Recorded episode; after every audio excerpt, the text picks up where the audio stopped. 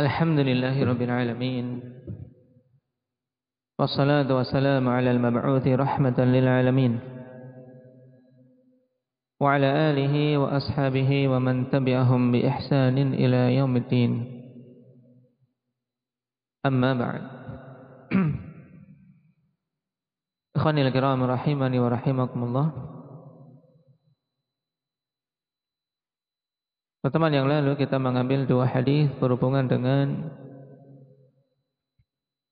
adab dalam berdoa yaitu mengangkat kedua tangan ini pada asalnya kecuali pada kondisi-kondisi yang Nabi Shallallahu Alaihi Wasallam memang tahari, maksudnya tahari berdoa di situ dan tidak pernah dinukilkan beliau mengangkat kedua tangan menunjukkan beliau memang menyengaja tidak mengangkat tangan padanya. Maka pada kondisi-kondisi itu tidak disunahkan mengangkat kedua tangan. Adapun apabila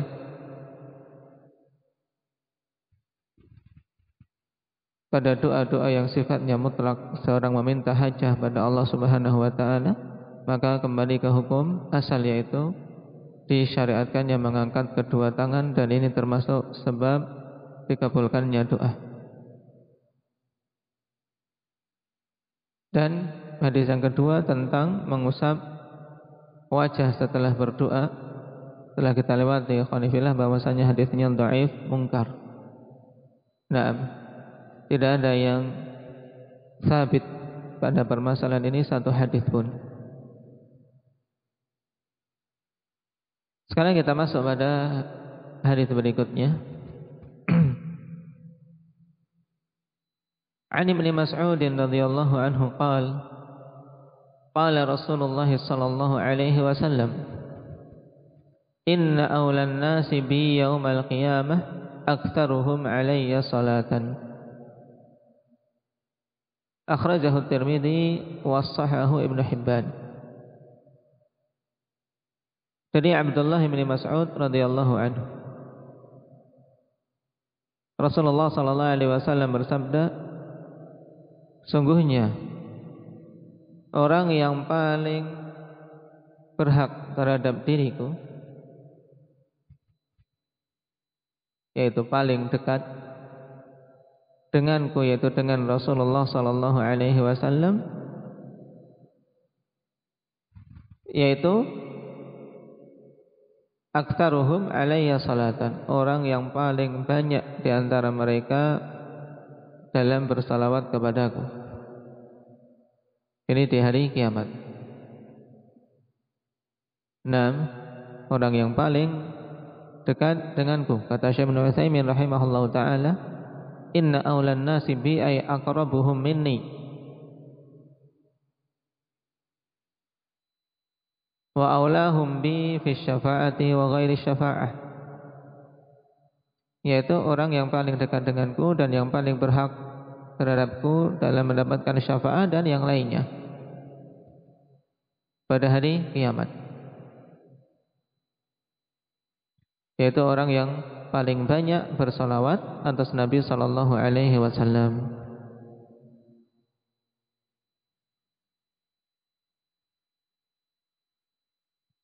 Hadis dikeluarkan oleh Imam Tirmidzi dan disahihkan oleh Ibnu Hibban rahimahullahu taala. Akan tapi akhwani fillah pada sanad hadis ini Musa bin Yaqub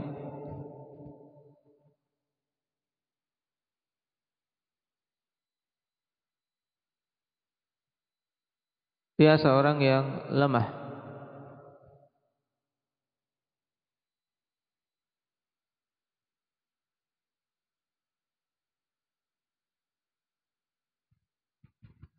dan syekhnya Abdullah bin Kaisan seorang yang majhul.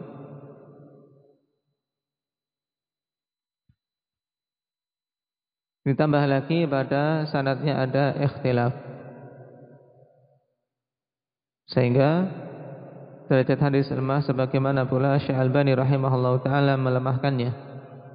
Dalam Sahih wa Dhaif Tirmidzi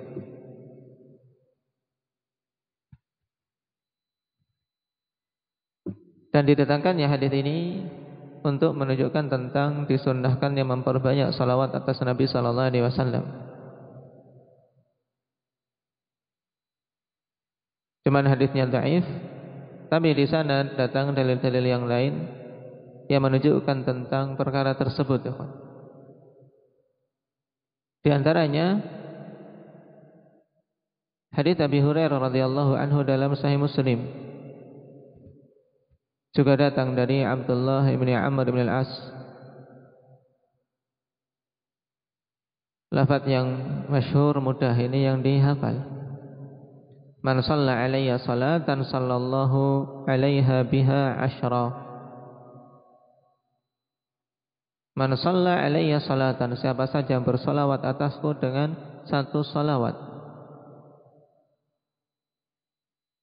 Jawabannya Sallallahu alaiha biha ashra Maka Allah subhanahu wa ta'ala akan bersalawat atasnya Dengan sebab Satu salawat yang dia tujukan kepadaku tersebut. Allah balas apa? Dengan salawat 10 kali. Cuman kita butuh tahu maksud salawat kita atas Nabi dan salawat Allah Subhanahu wa taala atas hamba-hambanya sebagai balasannya. Maksudnya apa? Yang dimaksud dengan salawat kita atas Nabi sallallahu alaihi wasallam yaitu doa. Nah, doa kita untuk Nabi sallallahu alaihi wasallam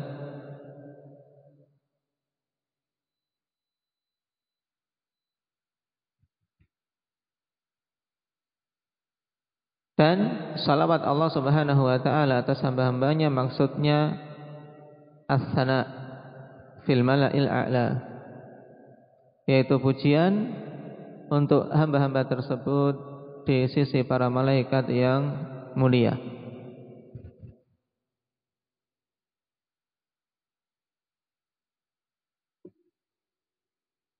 Ini hendaknya dibedakan. Jadi ketika kita bersalawat Allahumma salli ala Muhammad ini doa untuk Nabi sallallahu alaihi wasallam. Demikian pula kalau nanti kita dapati para malaikat bersolawat atas sebagian hamba-hamba Allah Subhanahu wa taala. Maka maksud dari salawat para malaikat adalah doa daripada malaikat untuk si hamba tadi. Memintakan ampunan atau memintakan rahmah dan taufik untuk bertobat. Tapi kalau salawatnya datang dari sisi Allah, maka maksudnya adalah pujian. Pujian dari Allah Subhanahu wa taala untuk hamba tadi di sisi para malaikatnya. Dan ini keutamaan yang agung di mana Allah Subhanahu wa taala memuji seorang hamba dari hamba-hambanya yang notabene hamba tadi itu banyak sekali kekurangan-kekurangannya.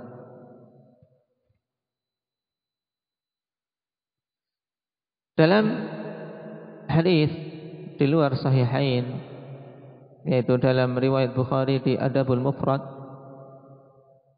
dari Anas bin Malik radhiyallahu an terdapat keutamaan tambahan ikhwan yang hadis ini dimasukkan oleh Syekh Mukbil rahimahullah taala dalam As-Sahihul Musnad. Rasulullah sallallahu alaihi wasallam mengatakan man shalla alayya wahidah sallallahu alaiha biha asyra atau man salla alayya wahidah sallallahu alaihi biha asyra wa hatta anhu asyra khati'at. Ini tambahannya Siapa saja yang bersalawat atasku satu kali Maka Allah subhanahu wa ta'ala akan memujinya Dengan sebab salawat tersebut sebanyak sepuluh kali Kemudian ditambah keutamaan lain anhu dan Allah akan hapuskan darinya sepuluh kesalahan.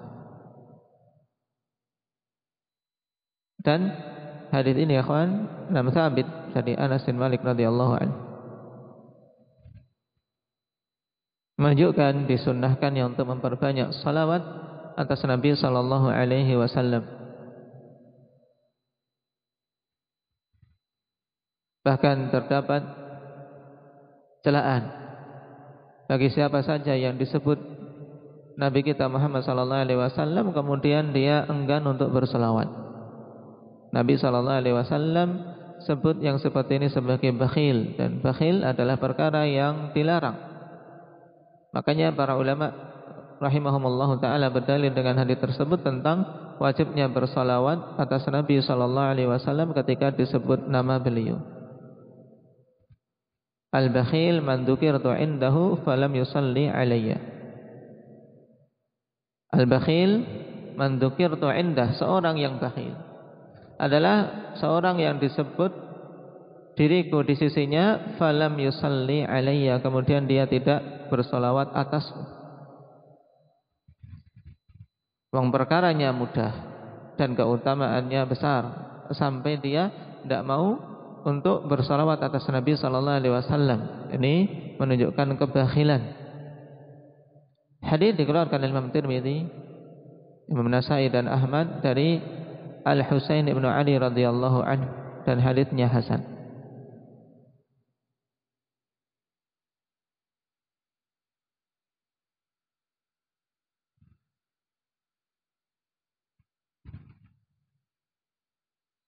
Ini anjuran ikhwanifillah untuk bersalawat atas Nabi sallallahu alaihi wasallam secara umum. Nah, jadi termasuk amalan saleh dan minimal salawat seorang mengucapkan Allahumma salli ala Muhammad. Nah, Allahumma salli ala Muhammad. Dan di sana ada perintah Allah Subhanahu wa taala untuk kita selain bersalawat juga bersalam untuk Nabi sallallahu alaihi wasallam. Sebagaimana dalam ayat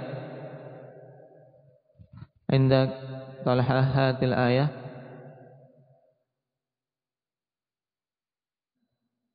Inna Allah wa malaikatahu yusalluna 'alan nabi Ya ayyuhalladzina amanu sallu 'alaihi wa sallimu taslima Sungguhnya Allah dan para malaikat bersalawat atas Nabi sallallahu alaihi wasallam. Tadi maknanya apa? Allah bersalawat atas Nabi maknanya apa? Abah Abdul Razak? Berarti Allah memuji nabinya. Wa malaikatahu para malaikat bersalawat atas Nabi maksudnya apa? Bari?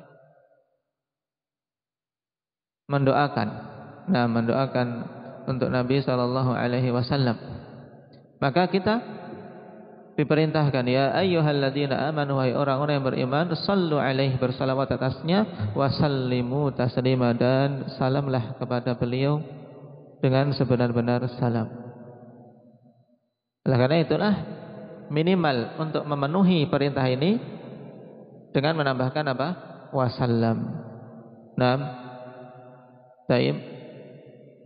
Makanya nah melafat ketika kita bersalawat setelah menyebut namanya ya sallallahu alaihi wa ala alihi wasallam. Nah, ini lengkap. Minimal lengkapnya seperti itu. Taib. Kemudian Nabi sallallahu alaihi wasallam ketika ditanya oleh para sahabat berhubungan dengan ayat ini. Setelah turun ayat ini para sahabat bertanya mengenai salam kami sudah tahu bagaimana bersalam untuk Nabi sallallahu alaihi wasallam. Wa kaifa nusalli alaik dan bagaimana kami bersalawat atasmu.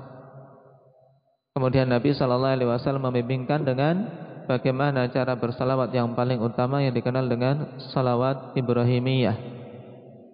Dan inilah yang paling utama dari salawat-salawat yang ada. Nam yang dibaca, nam di tasyahud juga ketika kita ingin bersolawat secara sempurna maka baca itu. Nah, dalam khutbah bisa bersalawat atas Nabi. Allahumma salli ala Muhammad wa ala ali Muhammad kama sallaita ala Ibrahim wa ala ali Ibrahim innaka Hamidum Majid. Wa barik ala Muhammad wa ala ali Muhammad kama barakta ala Ibrahim wa ala ali Ibrahim innaka Hamidum Majid. Ini salawat yang paling sempurna. Tidak ada salawat yang melebihi itu. Kenapa? Karena itulah yang dibimbingkan dan dipilihkan oleh Nabi Sallallahu Alaihi Wasallam. Tidak salawat nariyah, tidak salawat tibil qulub, tidak salawat al-barzanji, tidak salawat-salawat yang dibuat-buat manusia dengan nama-nama yang macam-macam. Nah, tapi sayangnya manusia fillah ketika beralih kepada perkara-perkara yang muhdats, perkara-perkara yang diada-adakan manusia di dalam agama ini, perkara bid'ah, akhirnya meninggalkan salawat yang utama ini dianggap ini naam tidak bernilai. Kalau antum baca naam keutamaan salawat nariyah kan. Geleng-geleng. Siapa yang membaca sekian-sekian naam salawat nariyah keutamanya banyak. Naam keutamaan banyak. Tapi tidak ada yang pernah membahas nah, salat yang diajarkan Nabi Sallallahu Alaihi Wasallam. Padahal itu salat yang paling utama. Nah, menunjukkan kebenaran perkataan para salaf ketika apa? Mabtada'a qaumun bid'atan illa nuzi'a min sunnatihim mitluha. Tidaklah suatu kaum melakukan suatu kebid'ahan kecuali akan dicabut dari sunnah mereka itu yang semisal. Sehingga salawat yang utama ini dianggap remeh. Salawat Ibrahimiyah yang diajarkan oleh Nabi sallallahu alaihi wasallam. Apalagi salawat tibil kulub yang ngetren. Itu sebagai apa? Doa mereka khanifillah dengan keyakinan untuk mengangkat bala. Sampai ada poster itu untuk Nah mengangkat covid ya dengan memperbanyak salawat tibil kulub. Juga Allahul Kafi, Rabbunal Kafi. Makanya dahiran di mana-mana itu yang dibaca. Karena apa itu untuk mengangkat apa covid katanya. Tayyib. Nasallallahu al-afiyah. Nah, bagaimana Allah Subhanahu wa taala mau memberikan pertolongannya kemudian memberikan kejayaan pada kaum muslimin kalau kaum muslimin meninggalkan sunnah-sunnah Rasul sallallahu alaihi wasallam padahal syarat untuk kaum muslimin mencapai kejayaannya ketika mereka rujuk. Nam ila sunnati Rasulillah sallallahu alaihi wasallam. Kembali kepada sunnah Rasul sallallahu alaihi wasallam. Juga berhubungan dengan salawat ini akhwan seseorang sunni, salafi. Karena banyak manusia menganggap bahwasanya ahli sunnah nam salafiyun anti salawat, maka tunjukkan bahwasanya kita nam orang yang apa yang sangat cinta terhadap salawat. Cinta terhadap salawat, tapi salawat yang syar'i, salawat yang sesuai bimbingan Nabi sallallahu alaihi wasallam. Nah, sampaikan itu. Nah, karena mereka menganggap mereka anti salawat. Iya kita anti salawat yang bid'iyah, tapi salawat yang syar'i bahkan ahli hadis mereka mungkin orang yang paling banyak bersalawat. Kenapa? Karena setiap kali membaca hadis Nabi sallallahu alaihi wasallam menyebut nama beliau dan bersalawat atas beliau sallallahu alaihi wasallam. Nah, telah datang ancaman juga yang berupa doa keburukan bagi orang-orang yang disebut nama Nabi sallallahu alaihi wasallam tidak mau bersolawat. Dalam hadis Abi Hurairah radhiyallahu anhu yang diriwayatkan oleh Imam Tirmizi, nah, dan dimasukkan Syekh Mukbil dalam As-Sahihul Musnad, Rasulullah sallallahu alaihi wasallam mengatakan, "Raqima anfu rajulin dzukirtu indah falam yusalli alayya." Raghima anf yaitu menunjukkan kecelakaan. Itu makna asalnya semoga enam hidungnya terkotori sebagai bentuk penghinaan. Karena hidung di wajah sesuatu yang mulia kemudian diberi kotoran. Ini suatu apa penghinaan. Dari suatu kecelakaan ke, ke dalam kecelakaan kerugian Sungguh merugi, sungguh celaka. Seseorang yang disebut aku di sisinya falam yusalli alayya kemudian dia tidak mau bersalawat atasku. dan kelanjutannya masyhur berhubungan dengan Ramadan anfu rajulin dakhala alaihi Ramadan thumma insalakha qabla an yughfar lah wa raghima anfu rajulin adraka indahu abawah al-kibara falam yudkhilahul jannah dan celaka seorang yang masuk Ramadan sampai keluar darinya sebelum dia diampuni oleh Allah. Dan sungguh celaka seorang yang mendapati kedua orang tuanya dalam kondisi renta kemudian tidak mampu memasukkan hal tersebut ke dalam surga dalam artian tidak memanfaatkan peluang yang besar untuk bisa merawat kedua orang tuanya tersebut.